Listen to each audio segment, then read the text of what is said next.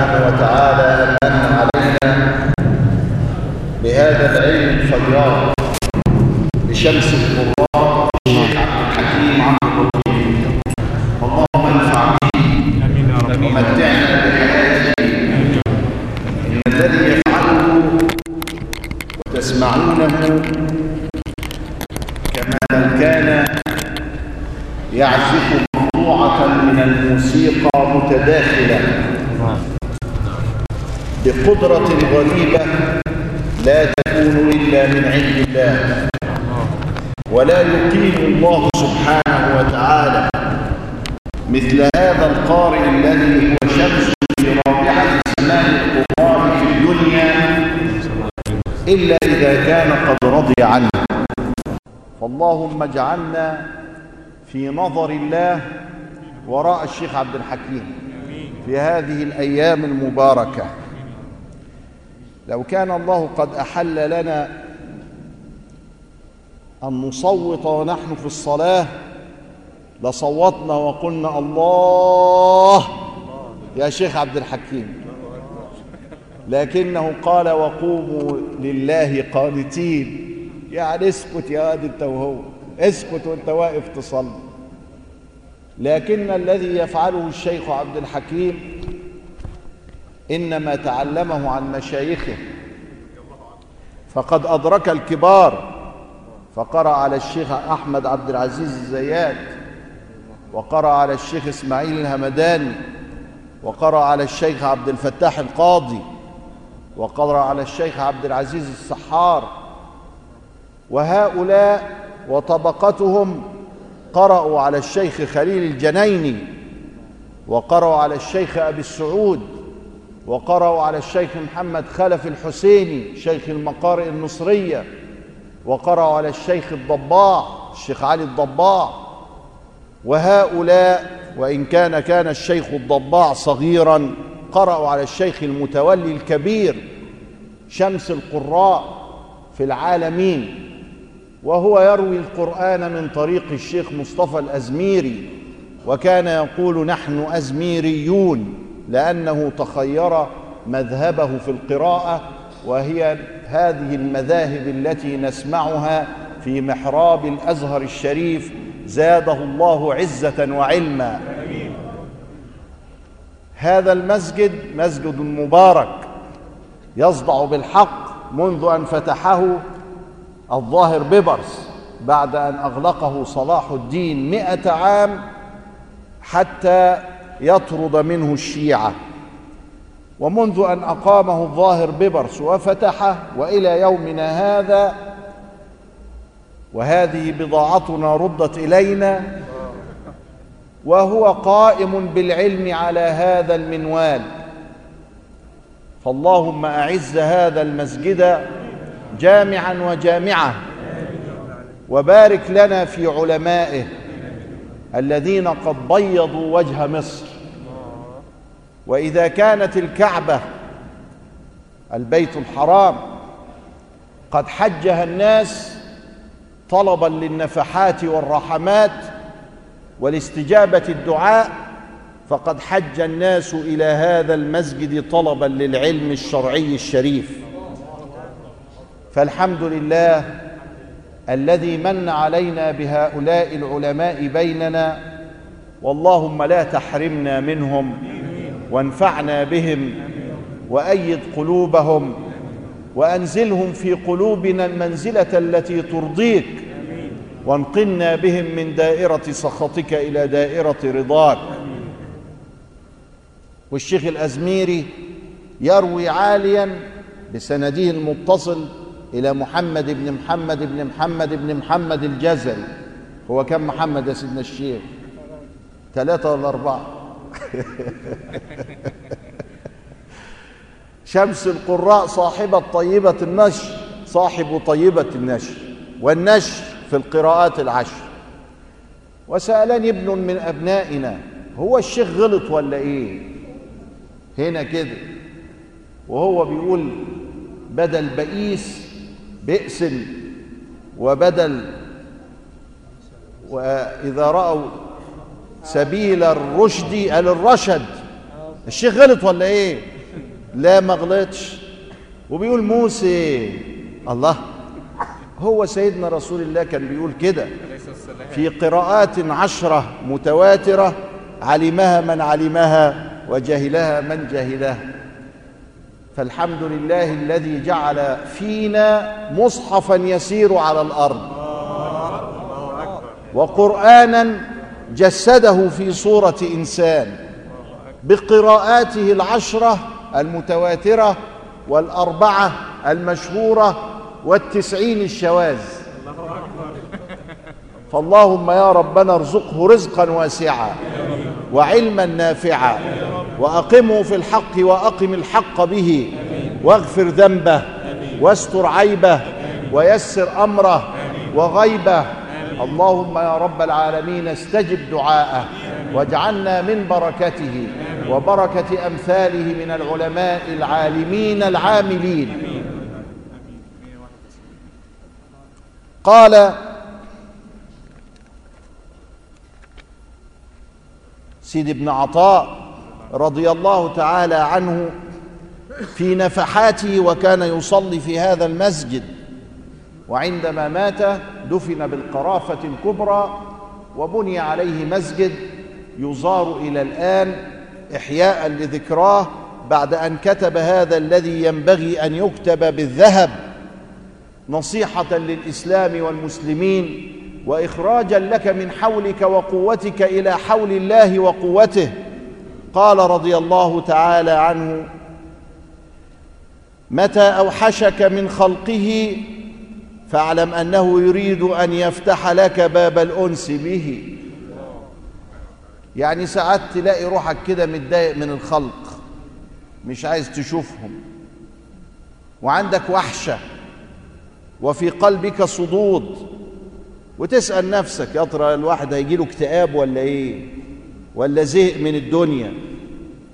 لا في بوابة تانية غير بوابة الاكتئاب النفسي. والزهقان من الدنيا. البوابة دي هي الأنس به وحده سبحانه وتعالى. أفى الباب الخلق ففتح باب الحق. أغلق باب الأغيار ففتح باب الأنوار والأسرار. يبقى ربنا سبحانه وتعالى بيقطع من حتة ويوصل في حتة تانية. ولما تخير بين أن يكون مؤنسك هم البشر أو أن يكون مؤنسك الله فما تختار الله, الله. يبقى رب محنة لكنها منحة والظاهر إنها ضيق إنما هي باب السعة والظاهر أنها بعد ولكنها قرب لأنك إن حدث لك وحشة فلعله أن يفتح بها باب أنس معه وبه سبحانه وتعالى فتكون خيرا لك في دينك ودنياك فلا تتعجل في التبرم على الله من الظواهر. سلم وارضى يبدل سيئاتك حسنات. وضيقك فرجا ووحشتك انسى قال رضي الله تعالى عنه ونفعنا الله بعلومه في الدارين آمين. متى أطلق لسانك بالطلب؟ فاعلم أنه يريد أن يعطيك. ده بعد التجرد. قلنا قبل كده الواحد المؤدب مع الله ما يطلبش. يقعد ساكت كده. وبعدين لقيتك فجأة لقيت روحك بتدعي. انت واخد على انك ساكت وراضي وفجأة أجرى الطلب يعني الدعاء على لسانك. يا رب اعمل لي وسوي لي واترك لي من شأن الدنيا والآخرة. وبعد ما دعيت بتستغرب نفسك. وأنا بدعي دلوقتي ليه؟ قال لك خلي بالك في معاملة ربك معك. أجرى الدعاء على لسانك الآن لأنه ناوي يعطيك. سبحانه وتعالى. يقصد العطاء. طب وده إيه ده؟ ده مزيد كرم. مزيد أنس. ما أنت لما تقول له يا رب ارزقني.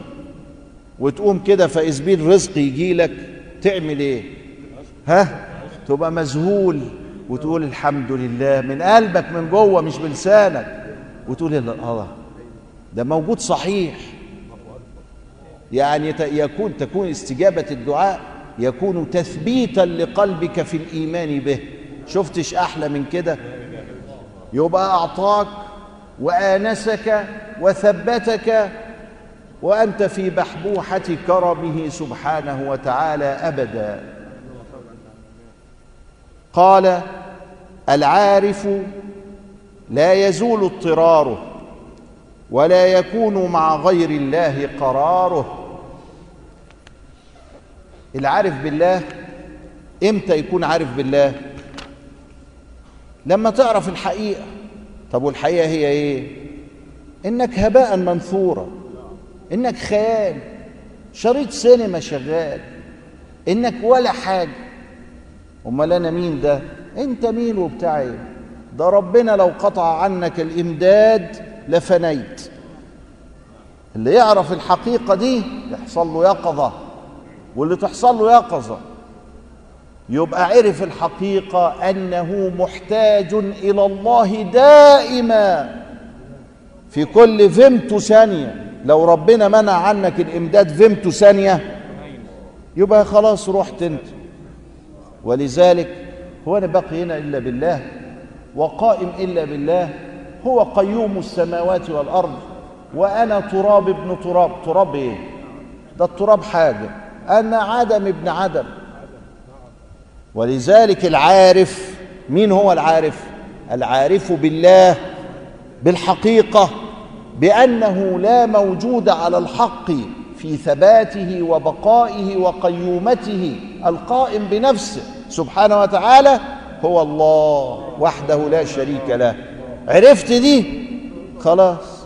يبقى لا هتخاف من حد ولا هترجو حد ولا هتعتمد على حد ولا هتتبرم بما أجراه الله في كونه ولا هتيأس ولا هيحصل لك اكتئاب ولا شعورات خبيثة ولا أي حاجة. ليه؟ لأنك أصبحت مع الله المعيه بقيت في المعية. ومن كان مع الله لا يخاف سواه ولا يرجو إلا إياه.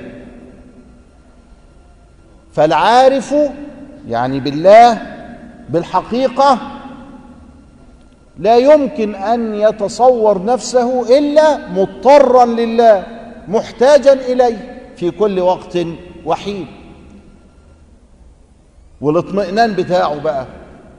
يحصل له لما ربنا يرزقه عشرة من الولد وكلهم طلعوا فتيان ولا يرزقه أموال الدنيا كلها ولا الملك والسلطة ولا الجاه والوجاهة ولا حاجة.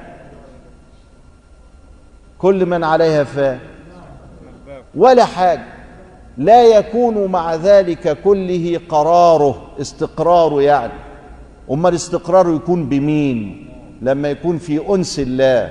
يعني الراجل كأنه بيفسر لنا حكاية الأنس بالله. الأنس بالله يكون عند العارفين بالاتنين دول. العارف لا يزول اضطراره إلى ربه. تملي محتاج إليه لأنه عارف الحقيقة. ولا يكون مع غير الله قراره. ما يستقرش نفسيا وقلبه يهدى إلا لما يكون مع الله. ضمن إنه مع الله خلاص الدنيا وما فيها. ضمن إن هو مش مع الله والله لما تديله إيه؟ لا يكون مع شيء ابدا قراره. طب واللي مع الحاجات دي قراره ومبسوط قوي وماشي زي الديك الجركسي يخبط في ده وده يبقى مش عارف. يبقى ما هوش عارف بالله. يبقى غافل. من أبو ثلاثة ساغ ثلاثة ساغ إيه ثلاثة بليل ولا حاجة. ده قلته أحسن. البني آدم اللي هو يستغني عن الله قلته أحسن وتخاف منه لأنه ما تعرفلوش سكة ملوش وقفة. نسأل الله السلامة وأن يقينا مصارع السوء. قال رضي الله تعالى عنه أنار الظواهر بأنوار آثاره. الظواهر اللي قدامنا اللي شايفينها وحاسينها وعايشين فيها منورة. منين؟ بأنوار اثاره مش هو اللي جاب لنا الشمس والقمر والكهرباء وكل حاجة؟ وأنار السرائر جوه بقى اللي إحنا مش شايفينه بأنوار أوصافه. يعني تجلى الله على القلب فأناره. لأجل ذلك أفلت أنوار الظواهر أفلت أنوار الظواهر افلت يعني إيه؟ غابت. مش الشمس بتغيب والكهرباء بتقطع ونقول فارس سبتية ومش فارس سبتية؟ بتروح. ليه؟ لأن أي مخلوق له نهاية. كما أن له بداية. وكل ما جاز عليه العدم عليه قطعا يستحيل القدم. اللي ليه بداية ليه نهاية. حتى الظلم. الظلم ليه بداية؟ ليه نهاية؟ حتى الجبروت والطغيان ليه بداية؟ وليه نهاية برضه. وسبحان الذي يحول ولا يتحول. هو الباقي. أفلت أنوار الظواهر. ليه؟ ما مخلوق. ولم تأفل أنوار القلوب والسرائر. ليه؟ لأنه تجلي رباني. وربنا هيزول لا يحول ولا يزول. ولذلك قيل إن شمس النهار تغرب بالليل وشمس القلوب ليست تغيب. شفت إزاي؟ فهمت يا ولا؟ الله دي طالعة من قلبك يا ولا. حلو كده. بس ما تتجذبش بقى. استنى شوية. خلينا في الظاهر دلوقتي. إن شمس النهار تغرب بالليل لما يجي الليل ثم اتموا الصيام إلى الليل يعني إلى المغرب. اسم المغرب ليل. تغرب بالليل يعني بالغروب بالليل. يدخل الليل لما تغرب. وشمس القلوب ليست تغيب. لأن شمس القلوب جاية من أوصافه والشمس الظاهرية جاءت من آثاره. قال رضي الله تعالى عنه ونفعنا الله بعلومه في الدارين آمين. ليخفف ألم البلاء عنك علمك بأنه سبحانه هو المبلي لك. فالذي واجهتك واجهتك منه الأقدار هو الذي عودك حسن الاختيار.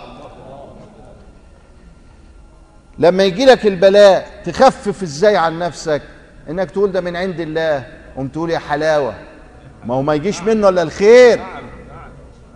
هو شر كده ليك أنت في في الظاهر. لكن أنت ما تعرفش الثواب اللي وراه قد إيه. ما تعرفش إن أنت لما هتسلم وترضى هيتفتح لك إيه. ما تعرفش انه صد عنك بهذا البلاء الظاهر إيه. سقط في الامتحان ما ركبش الطيارة الطيارة وقعت. فالسقوط إيه؟ خلاه ما يروحش ال- المعسكر اللي ماتوا فيه. طب يا بيعمل حاجة ولكن جاب لك حاجة تانية. والطيارة لما وقعت يا ريته مات كان خلصنا لكن ده اتكسر. ورجع متكسر وعاش متكسر. يبقى نقول أحسن. أسقط في المرة وأنجح مرات ولا اتكسر وأقعد كده؟ اذا ربنا كريم. لما تعرف إن البلاء من عنده لو آمنت بكده تلاقي ال- ال- البلاء ألذ من عسل النحل على قلبك. تقول الله ده حاجة حلوة ده من عنده وهو حلو وجميل. فيبقى خلاص. علمك بأنه سبحانه هو المبلي لك. فالذي واجهتك منه الأقدار هو الذي عودك حسن الاختيار. انت معودك انك يبقى في حسن للحاجات دي لانك اخترت التسليم والرضا فيجازيك بذلك خيرا. فاللهم يا ربنا نور قلوبنا واغفر ذنوبنا وتقبل منا صالح أعمالنا. اللهم يا الله يا كريم يا رحمن يا رحيم يا ملك يا قدوس يا سلام يا مؤمن يا مهيمن يا عزيز يا جبار. اجبر كسر قلوبنا واجمعنا على الخير في الدنيا والآخرة.